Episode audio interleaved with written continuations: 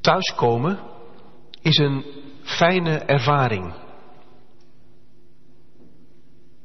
Je steekt de sleutel in het slot, je doet de deur open. Een omhelzing, een kus, een begroeting. En je bent weer thuis. Dit is jouw plek. Je trekt de deur achter je dicht en laat daarmee de buitenwereld even achter je.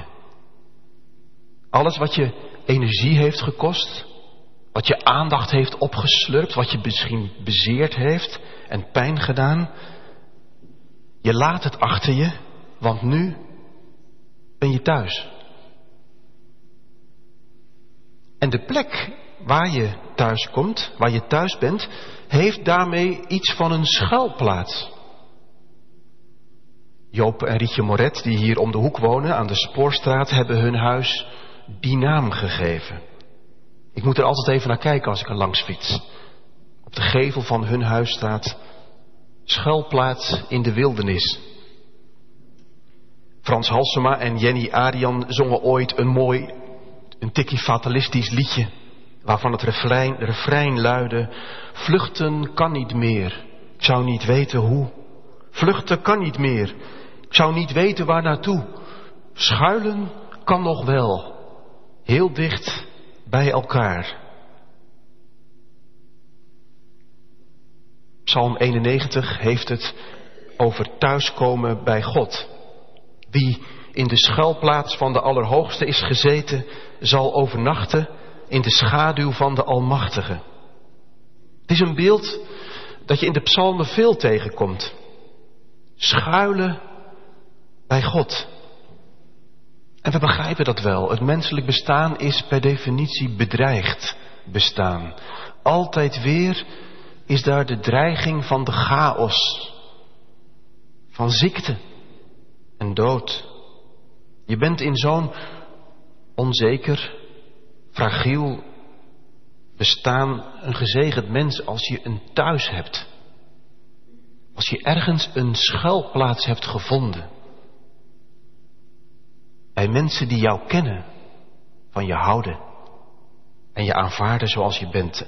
En Psalm 91 voegt eraan toe, je bent meer dan gezegend als je ook het wonderlijke geheim kent van de schuilplaats van de Allerhoogste, de schaduw van de Almachtige. Ik denk dat de psalmdichter heeft gedacht aan een pelgrim of een asielzoeker die voor een nacht of wat ging schuilen in de tempel. Het was een goed gebruik om in het heiligdom van God een veilig plekje te zoeken. Er bestond zelfs zoiets als de tempelslaap. Als je iets, als je, als je een bijzondere leiding van God zocht, dan was het niet ongebruikelijk om dan een nacht te gaan slapen in het heiligdom, in de hoop dat de Heer zelf je die nacht verheldering zal geven over je levensweg, een aanwijzing. En vermoedelijk is Psalm 91 geschreven naar aanleiding van zo'n tempelslaap.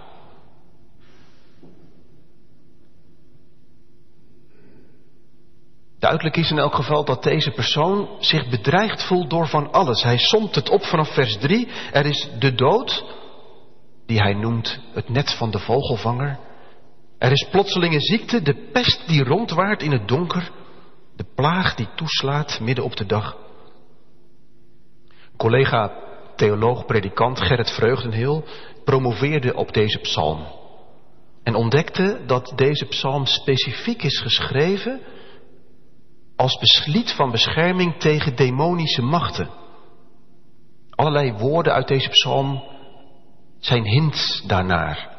De verschrikking van de nacht, de pijl die overdags op je afvliegt, de leeuw, de adder.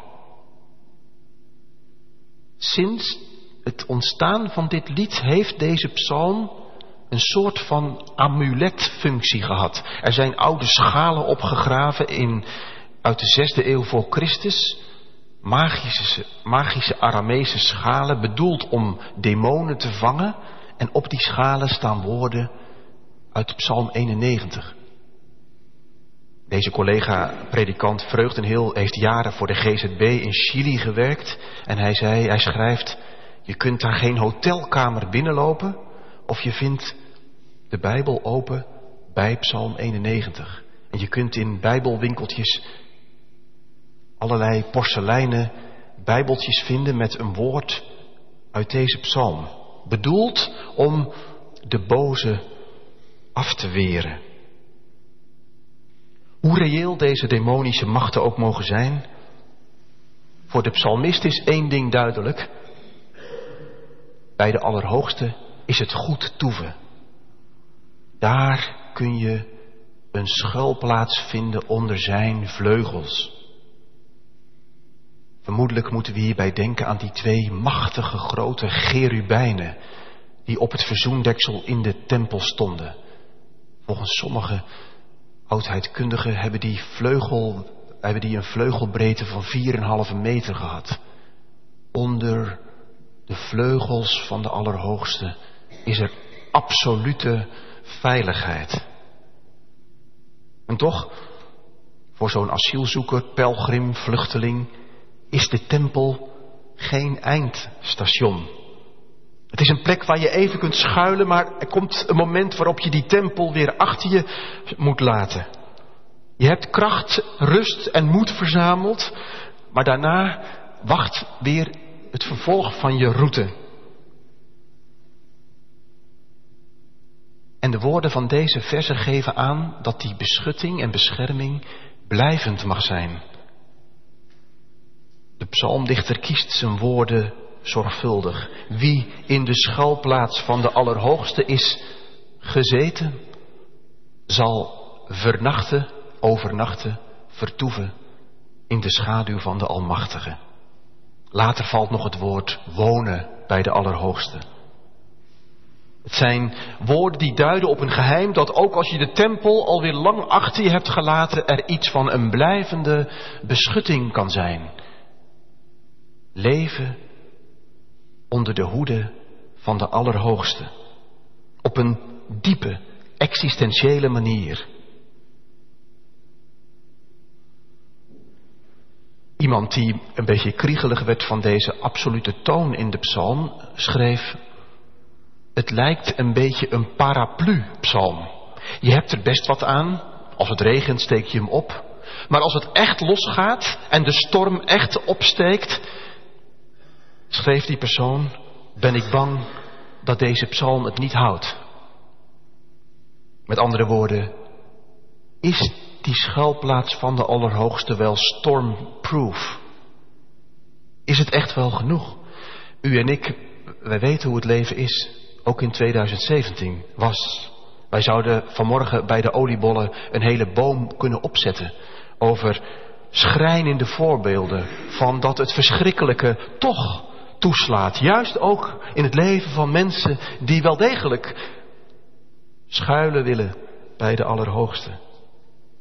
En de vraag kan dan opgeworpen worden, waar is dan die Allerhoogste? Waar is dan de schaduw van de Almachtige?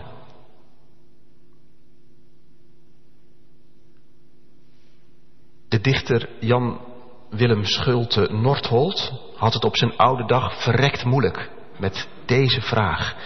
En hij had notabene de psalmen helpen dichten. De psalmen die wij zingen in de nieuwe berijming. Hij zat in het team van dichters die die psalmen op schrift stelden. De psalmen zaten in zijn DNA. Hij ademde ze, hij leefde ze, tot hij oud werd. En steeds meer mensen om hem heen wegvielen. En hij struikelde met name over dat zevende vers van deze psalm, waar staat, al vallen er duizend aan je linkerzijde en tienduizend aan je rechterhand, jou zal niks overkomen. En toen kwam daar op een dag dat verdrietige bericht van het overlijden van een dierbare vriendin. En hij schreef het gedicht, Karin is dood. En het gaat zo. Het wordt routine. Er gaat bij mijn post geen week zonder een grijs omrande brief voorbij. Er zullen, staat er aan uw rechterzij, duizenden vallen. Paradise lost. Maar tot u, zegt de kalme psalmist, zal het niet genaken. En zo leven wij ook, als waren wij veilig onder de rook van geruststellende woorden. Het is onmogelijk om ooit de werkelijkheid echt onder ogen te zien. Maar vandaag, toen jouw rouwkaart kwam, was er bij mij geen vraag naar het mysterie van dood en tijd. Enkel verbijsterende woede. We gaan, riep ik, wanhopig en theatraal, er allemaal aan. Zie je wel, het verhaal wordt eentonig. Dodelijk is het bestaan. Karin is dood. De kleine grijze dame, die ooit in onvergankelijke staat als rozevingerige dageraad optrad in mijn timide eerste poëzie. Karin is dood. En wat zij achterlaat, dat is voor mij het wijde grijze ijs waarop wij schaatsen naar het paradijs dat er niet was en nu niet meer bestaat. En ik denk dat we het allemaal kunnen meevullen, meevoelen met deze dichter, Schulte Noordholt. Op het moment dat zo'n bericht ons bereikt. Ons bestaan schudt op zijn fundamenten. En ik denk ook dat Jan Willem Schulte Noordholt het met ons eens zou zijn dat als je deze psalm rustig op je in laat werken, het niet bepaalt geruststellende woorden zijn van een kalme psalmist. De psalm is niet bedoeld als hocus pocus, als een amulet, om je te vrijwaren van wat voor ellende dan ook. Nee, het is een lied wat bedoeld is om te bidden, om te zingen, te fluisteren, te schreeuwen desnoods tegen de klippen op.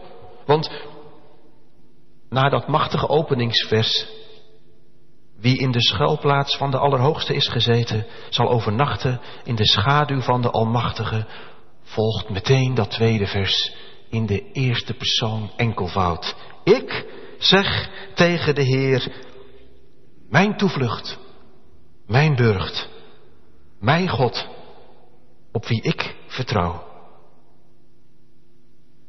Dat vertrouwen is niet magisch, ook niet dogmatisch. Geen hocus pocus, maar door en door relationeel. Juist door deze woorden te zeggen tegen je gevoel in, met een doodsbrief of een rouwkaart in je hand, zeg je, zing je je geloof niet zozeer uit, maar zeker in. Mijn toevlucht, mijn burcht, mijn God, op wie ik vertrouw. En dat geheim hebben mensen door de eeuwen heen steeds ervaren. Ieder jaar opnieuw. Juist in de meest benarde omstandigheden. Dat geen ziekte, geen machten, geen duivel, geen dood ons werkelijk kan losmaken, scheiden van de liefde van God die er is in Christus Jezus.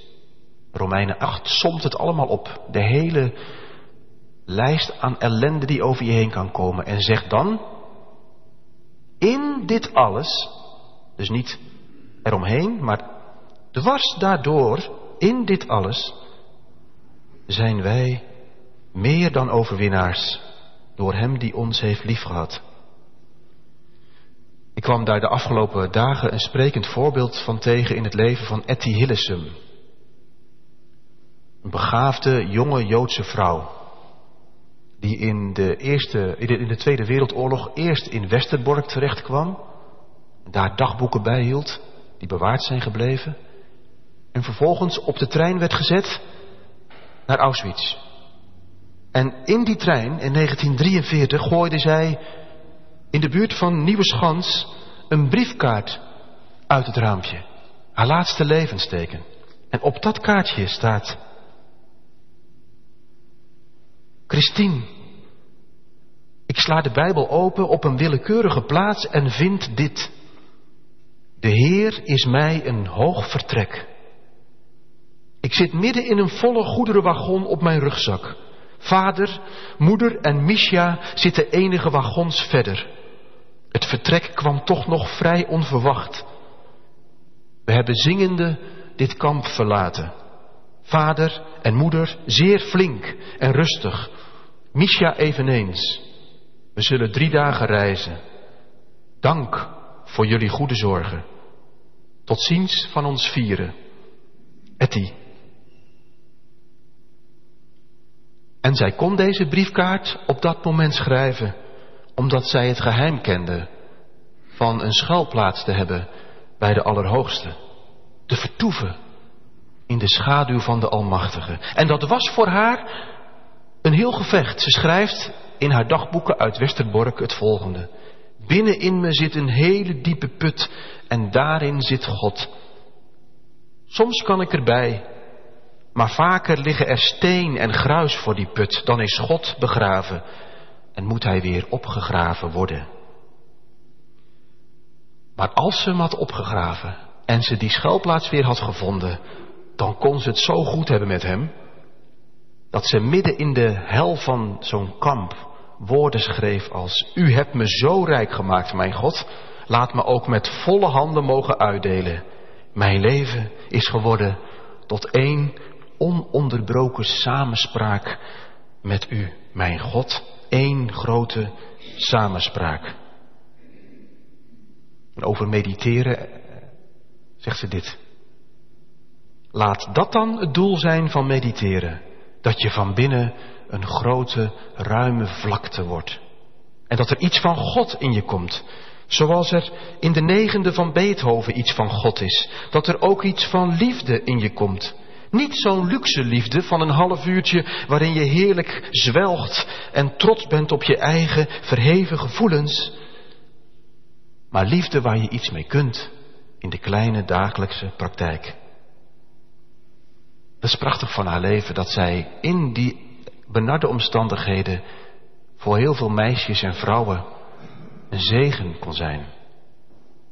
Omdat ze wist waar ze kon schuilen, kon ze zelf een schuilplaats zijn. De allerlaatste regel van haar dagboek luidt: Men zou een pleister op vele wonden willen zijn. En daarmee weerspiegelt ze iets van onze Heer. Die ene man, die meer dan wie ook weet hoe het voelt om te zetelen in de schuilplaats van de Allerhoogste. Om te vertoeven in de schaduw van de Almachtige. En hij was bereid dat alles achter zich te laten, af te dalen en hier het bestaan te gaan leiden van een zwerver. Op een dag zei hij, vossen hebben holen, vogels hebben nesten, maar de mensenzoon heeft geen steen waar hij zijn hoofd op te rusten zou kunnen leggen. Hij zwierf rusteloos onder de mensen om voor ontheemde mensen van alle generaties een schuilplaats te zijn. Ons te verzamelen onder zijn vleugels zoals een hen haar kuikens. Hij spreidde zijn armen en zei, kom naar mij als je vermoeid en belast bent en onder lasten gebukt gaat en ik zal je rust geven. Beste vrienden, voor ons ligt een nieuw jaar en het voelt aan als een onbeschreven vel papier. Het zal vast gevuld worden met een mix van wel en wee, van zegeningen en moeilijkheden. Laten we dit jaar ingaan met Jezus en in zijn stijl. Steeds op zoek gaan naar die schuilplaats van de Allerhoogste. Hem soms opgraven als die bedolven raakt te zijn, dreigt te worden onder de, het gedoe van elke dag.